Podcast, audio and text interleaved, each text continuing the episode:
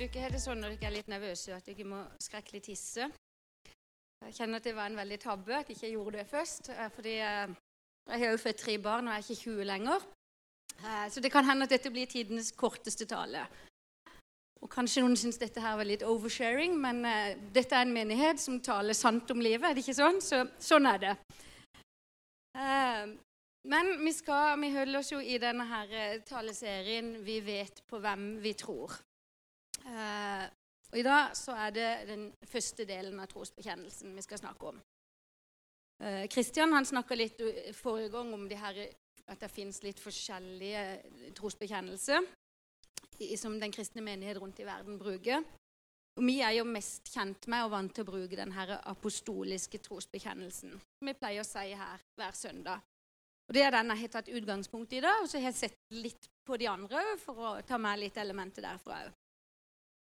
Men vi kan den her først. ikke sant? Jeg tror på Gud Fader, den allmektige himmelen som jorden skaper. Som vi ofte bare sier helt sånn automatisk, kanskje uten å tenke så veldig mye hva det egentlig vi sier.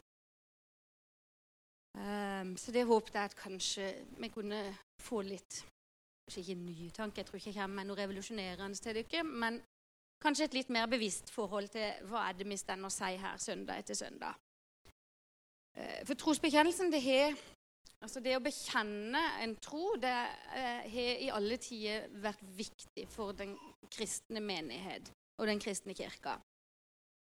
Og jeg har jeg er litt usikker på om det er fem eller ti vekttall i latin, faktisk. Eh, primært eh, så er det medisinske ord og uttrykk eh, som jeg måtte lære meg, og litt sånne beskrivelse for foran, bak, over, under og sånne ting. Men faktisk, i dette her lille kompendiet som vi måtte pugge på latin, da, eh, så sto faktisk trosbekjennelsen.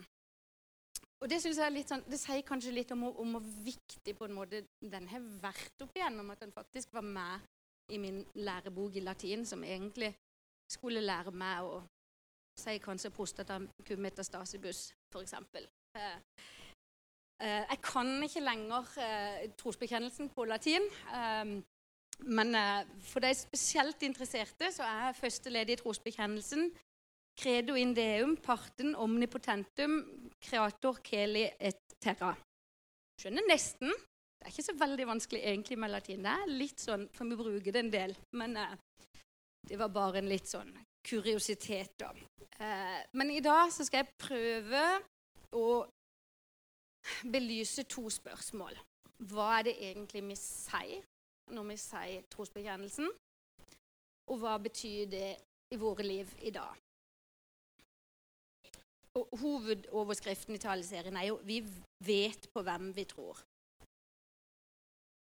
Så tror jeg kanskje mange ganger at det gjør vi egentlig ikke. Eh, vi vet på hvem vi tror. Sannheten er at av og til så er jeg ikke så kjempesikker. Jeg hadde en tale i fjor en gang om dette med tro og tvil. Så de av dere som hørte meg da, de, dere vet at jeg kan ofte ha veldig mye tvil.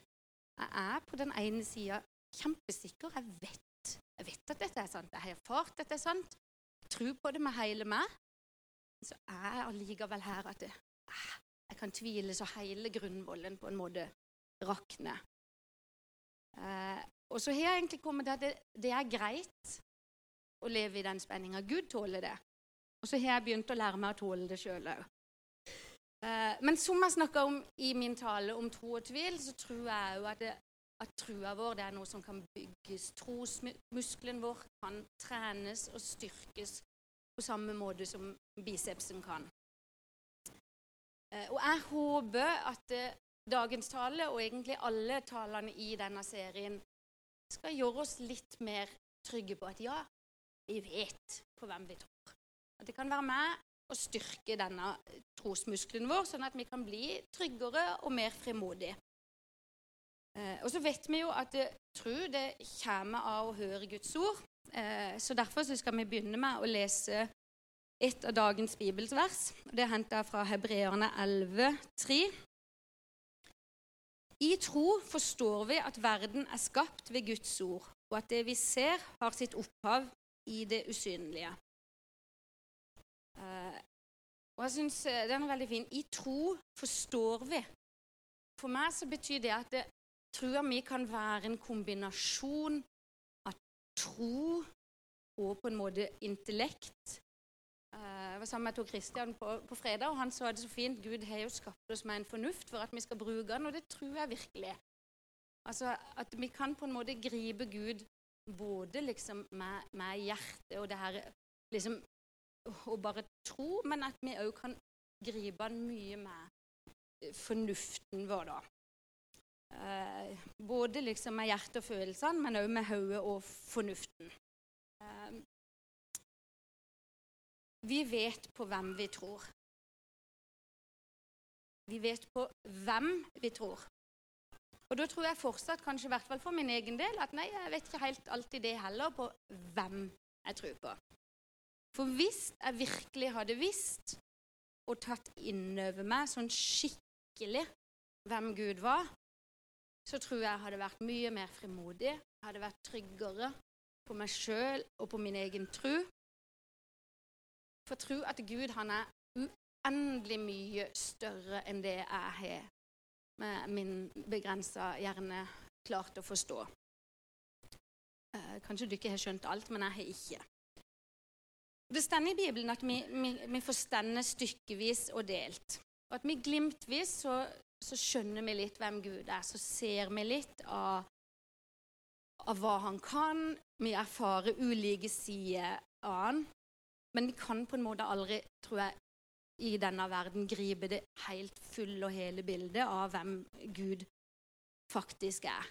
Eh, menneskehjernen strekker bare liksom til, til, et visst punkt. Så tror jeg på en måte at det, når de lagde trosbekjennelsen, så var det litt for å på et vis ramme inn og definere litt hva er det egentlig vi tror på, sånn at ikke alt bare liksom svever uti der og blande seg med andre religioner og bli en sånn diffus greie.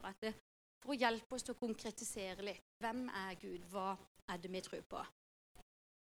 Og Det tenker jeg det er jo ingen lett oppgave når du på en måte skal samle denne inn i ei læresetning.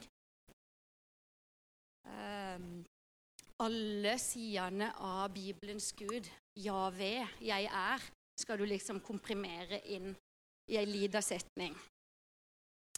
Fordi Gud han er jo uendelig. Han er større enn det vi tror og har sett. Han er en rik Gud som har mange forskjellige navn. Det er mange ulike navn på Gud i Bibelen som beskriver egenskaper med Gud. Eh, når jeg ble konfirmert for veldig mange år siden, så var det fortsatt sånn at vi hadde høring. Jeg ble konfirmert i Frikirka. Og da hadde vi høring, så da måtte vi og da hadde vi faktisk eh, Jeg hadde trosbekjennelsen, og da måtte vi liksom sitere trosbekjennelsen. Og så, den eneste gangen i hele mitt kristenliv at jeg har forholdt meg til luthersk lille katekisme. Men da måtte vi òg liksom komme med den lutherske forklaringen. Eh, og den fant jeg fram igjen nå, og så syns jeg egentlig at han Luther han sa det ganske fint. Eh, for han har liksom forklaringen til første ledd i trosbekjennelsen. Jeg tror at Gud har skapt meg og alle skapninger. Han har gitt meg legeme og sjel, forstand og alle sanser. Han holder dette ved lag og gir meg hver dag det jeg trenger for å leve. Jeg tror også at han verner meg mot alle farer og vokter meg mot alt ondt. Dette gjør han bare av nåde og faderlig godhet, uten at jeg har fortjent det. For alt dette skylder jeg å takke og love han, tjene og lyde han. Det er ganske fint, egentlig. Jeg syns det på en måte summerer opp litt godt hva vi egentlig tror om Gud. At han er far, at han er allmektig, og at han er skaper. Det rommer liksom det store bildet av Gud. Så vi skal prøve å liksom gå gjennom de her tre punktene, eller begrepene punkt for punkt. Uh, først jeg tror på Gud Fader. Uh, først av alt så bekjenner vi at Gud er vår far. Og jeg tror ikke det er tilfeldig at det er liksom det som er er tatt med først. Uh, Gud han ønsker en nær relasjon til oss. Han ønsker et far-barn-forhold.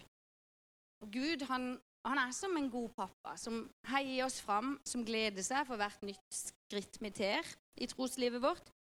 som griner med oss når vi har det vondt, som ønsker å beskytte oss, som løfter oss opp, trøster oss når vi trenger det, men som også pusher oss og utfordrer oss når vi trenger det. Han er en pappa som elsker oss betingelsesløst. Og han er en Gud som gleder seg over å behandle oss som sine barn.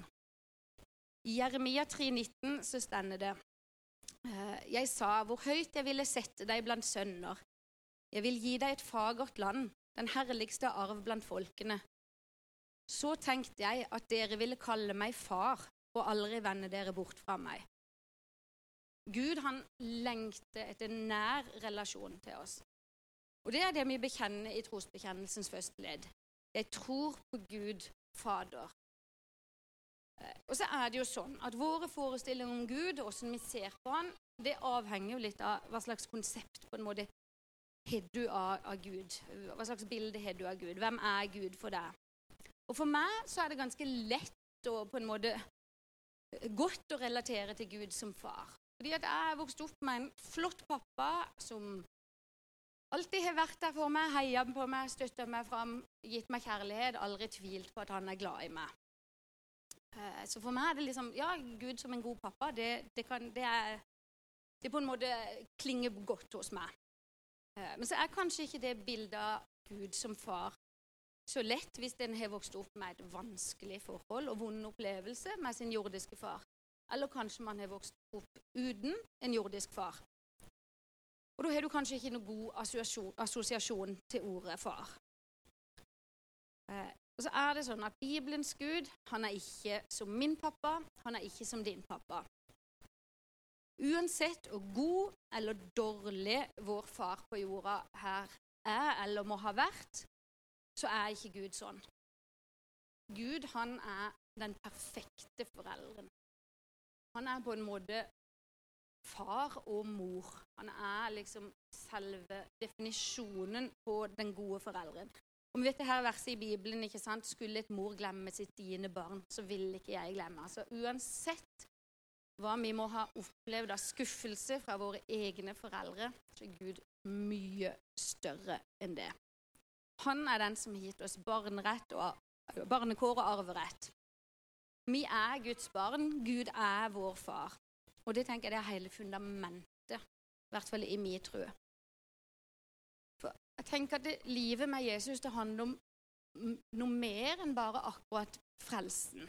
Hvis det var sånn at det, eneste målet var at vi skulle bli frelst, så tenker i hvert fall jeg at hvis Gud var lur, da, så hadde han jo bare nøkka oss opp én etter én etter hvert som vi tok imot Jesus. Eh, men jeg tror på en måte at det, Gud ønsker noe for oss i det livet vi har her på jorda òg. Og da er det Gud ønsker aller mest av oss, det er å ha den her far-datter, far-sønn-relasjonen.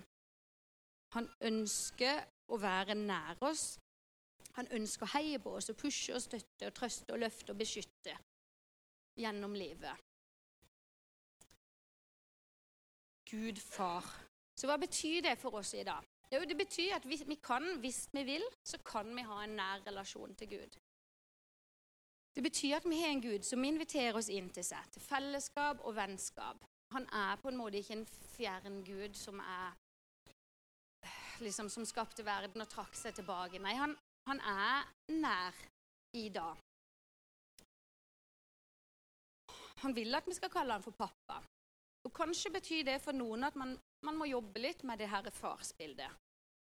Kanskje må man velge å tro mer på hvem Bibelen sier om Gud er, enn hva slags erfaringer man har i sine egne mellommenneskelige relasjoner. Og Hvis man har på en måte opplevd at far svikter, bryter løfter og ikke er til å stole på, så er det lett å automatisk tenke at det, ja, sånn, kan, eh, sånn, er nok Gud òg. Og da tenker jeg at Vi må be Gud om å åpenbare eh, sin sannhet om seg sjøl som den perfekte foreldre. Og så er det jo sånn at selv om en har hatt en aldri så god far her, så kan man jo allikevel liksom litt sånn Tvile på at Gud virkelig elsker meg. Jeg mener kanskje de andre. Og da er det liksom, Hvorfor er det så vanskelig for oss å, å faktisk tro på og stole på det her at det, Gud virkelig elsker oss? Og Jeg tror at vi har en fiende som har kanskje primært to hovedmål i livet. Det ene er å hindre deg fra å bli frelst. Men hvis ikke han klarer det, så vil han i hvert fall hindre deg i å kjenne Guds kjærlighet. For hvis du har en kristen som er trygg både på hvem Gud er, og på hvem han sjøl er gjennom Jesus, da er du ganske farlig for djevelen. Hvis du er trygg på at Gud elsker deg uansett, det vil ikke djevelen ha noe av. Derfor så tror jeg at vi opplever ekstremt mye motstand på dette her med å føle oss elska. Vi lever i en verden som higer etter det perfekte. Du skal være sånn og sånn og sånn, og det er veldig lett å føle seg mislykka. Du tenker Gud han, han leide etter det mislykka, for det er der hans storhet kan komme til å gjøre ufattelige ting. Så I denne trosbekjennelsen, når vi sier fram det, så bekjenner vi egentlig oss sjøl som Guds barn, og at vi kan hvile i at det er vi. Helt ufortjent, alt av nåde. Og Videre så sier vi Gud Fader den allmektige. Og Hva betyr da egentlig det? Og Det kan kanskje være vanskelig å på en måte bekjenne en allmektig Gud i vår verden der det er millioner mennesker som lever under ufattelige lidelser som de ikke sjøl har forårsaka eller har noe skyld i. Og Likevel så holder Den kristne kirke fast på troa på en Gud som er både kjærlig og allmektig. Um, og I møte med denne virkeligheten så tenker jeg at da må vi den bekjennelsen til Guds allmakt i Nytestamentet er liksom ikke uttrykk for en sånn abstrakt filosofisk refleksjon om hva som er mulig for Gud eller ikke. Når Bibelen kaller Gud for den allmektige, så er det først og fremst et uttrykk som lovpriser Gud for hans storhet og makt, den som viser seg i hans skapende gjerning og i hans frelseshandling. Og det er jo sånn at Guds menighet, Vi ser fram til den dagen når det skal skapes en ny himmel og en ny jord, der Guds herlighet skal være synlig til stede blant menneskene. Men Guds allmakt den har åpenbart seg i vår historie med at han har overvunnet vår mektigste fiende, døden, gjennom Jesu oppstandelse. Så når vi bekjenner at Gud er allmektig i vår trosbekjennelse, så bekjenner vi jo at Gud er stor, at han er over alt og alle, han er allestedsnærværende, han er hellig og opphøyd. Et navn på Gud som brukes i første Mosebok, er El Shaddai. Eh, oversett til norsk så blir det noe av alle sånn Den allmektige, sanne og trofaste Gud. Og I denne nattverdssangen som vi alltid synger Jeg vet ikke om du ikke tenker over når vi synger liksom 'Herlig, hellig, hellig er Herren Sebaot'. Hva, hva betyr det, da? Uh, Javé Sebaot er et navn på Gud som blir brukt i første Samuels bok, kapittel 1, vers 3. Og I den norske bibeloversettelsen så blir det oversatt til Herren allherrs Gud. Og allherrs er nok ikke et veldig vanlig ord når autokorrektur ville ha det til allværsjakke Gud. Eh, så, så, det er liksom kanskje ikke et ord som vi egentlig har sånn veldig sånn forhold til. Jeg skrev inn Javé Sebaot, det ble til Javé Sebastian. sånn at det, de her navnene på Gud er ikke Apple har i hvert fall ikke helt skjønt det. Eh, det er ikke sånne dagligdagse ord som vi driver og sprer rundt oss. Men en allhærs Gud, eller herskarenes Gud, det betyr jo egentlig at Gud er på en måte guden over, over alle hærer. Altså eh, han er sjefen over alle sjefer, som uh, kanskje noen av båndene ville ha sagt. En slags øverstkommanderende, den som er på en måte overalt. Uh, og vi er jo vant til å liksom bruke det her eh, jave Jave, jeg vet ikke helt hvordan man sier det, men det er 'jeg er' når Gud åpenbarte seg for Moses. Uh, norsk er et litt sånn fattig språk i forhold til den grunn, grunnspråket som Bibelen er skrevet på. sånn at det, hvis man skal oversette det mer sånn korrekt, så er det 'jeg er den jeg sier at jeg er'. Jeg er den mine gjerninger sier at jeg er. Sånn at Gud på en måte, Det at han er allmektig, det betyr at han åpenbarer seg sjøl gjennom sine gjerninger. Han er den han sier at han er. Han er den han viser at han er. Og For oss så betyr jo det at vi skylder Gud vår takk og vår lovsang og vår tilbedelse. Han som er over alt og alle, han som er hellig og allmektig, evig, uforanderlig. Men så samtidig så er han vår far, han som er over alt, og så er han samtidig nær. Han som er i det høye og det hellige, men som òg sier at han vil bo i det sønderknuste hjertet. Og jeg tror vi bare skjønner helt sånn stykkevis, bruddstykket av hvem Gud er. Men jeg tenker vår respons til det vi bekjenner her, må jo være at vi søker etter å kjenne han mer, etter å erfare nye og flere sider med Gud. Gud han fortjener vår lovsang. Han fortjener hendene mine, han fortjener føttene mine, han fortjener hjertet mitt. Og det er ikke fordi at han krever det, eller fordi jeg må prestere eller fortjene. For den barneretten, arveretten, den har jeg helt ufortjent. Bare nåde gjennom Jesus. Det er da jeg mener jeg tror jeg tror jeg har skjønt ikke sant, helt hva, hva, dette egentlig betyr, hva jeg egentlig tror på. For hvis det er sant da, at jeg har fått alt dette bare nåde, uten å ha fortjent at himmelens Gud, han som har skapt alt, vil være min pappa, vil være min venn, vil henge med meg og være sammen med meg, så burde jo på en måte min respons være at jeg vil gi han alt så vil jeg jo ikke alltid det. ikke sant? Litt tilbake.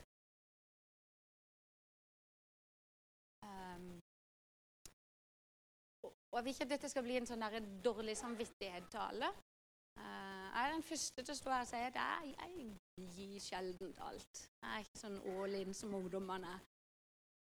Men jeg ønsker jo kanskje at Gud skal åpenbare mer for meg.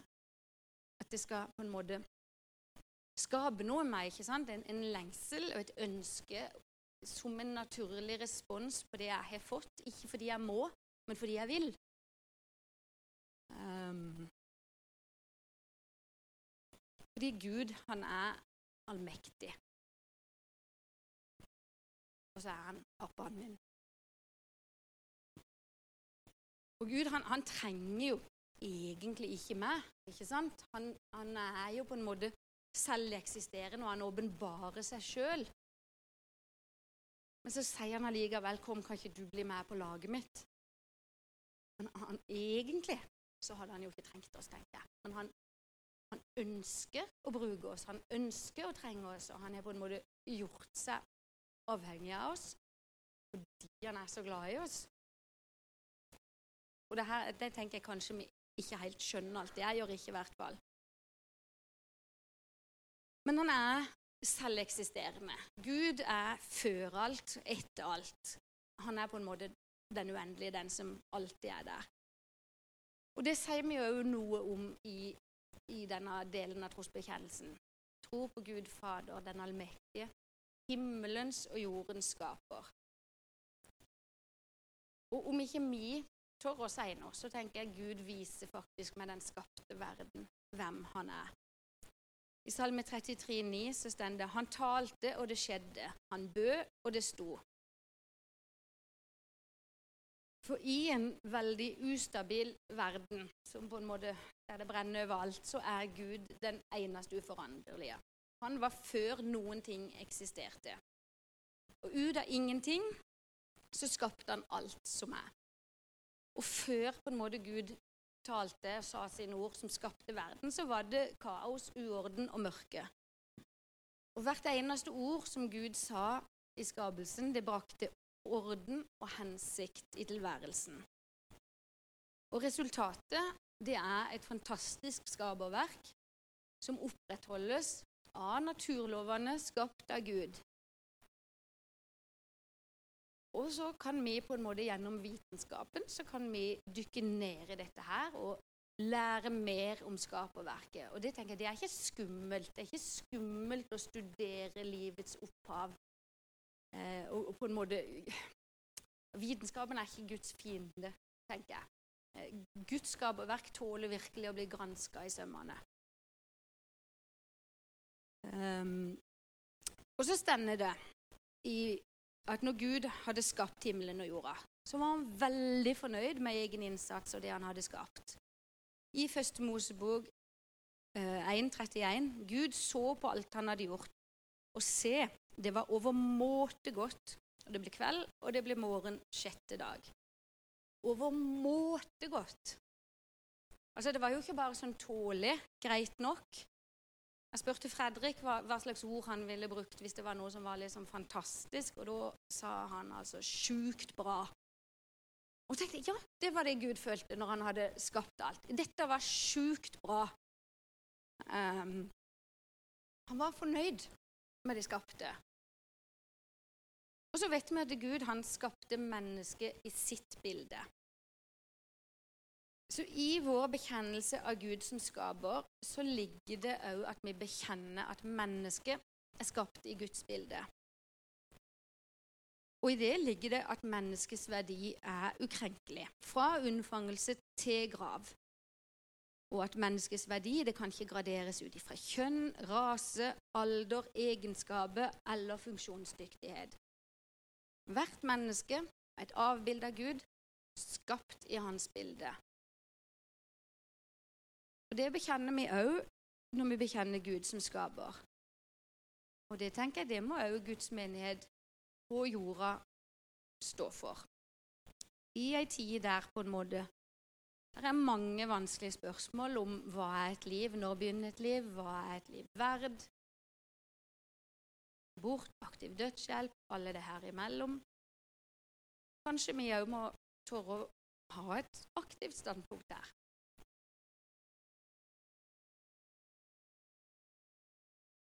Um, og med å bekjenne Gud som skaper og mennesket skapt i Guds bilde, så bekjenner vi òg at vi sjøl er verdifulle, skapt og ønska av Gud som vi er, med de egenskapene og det utseendet vi har.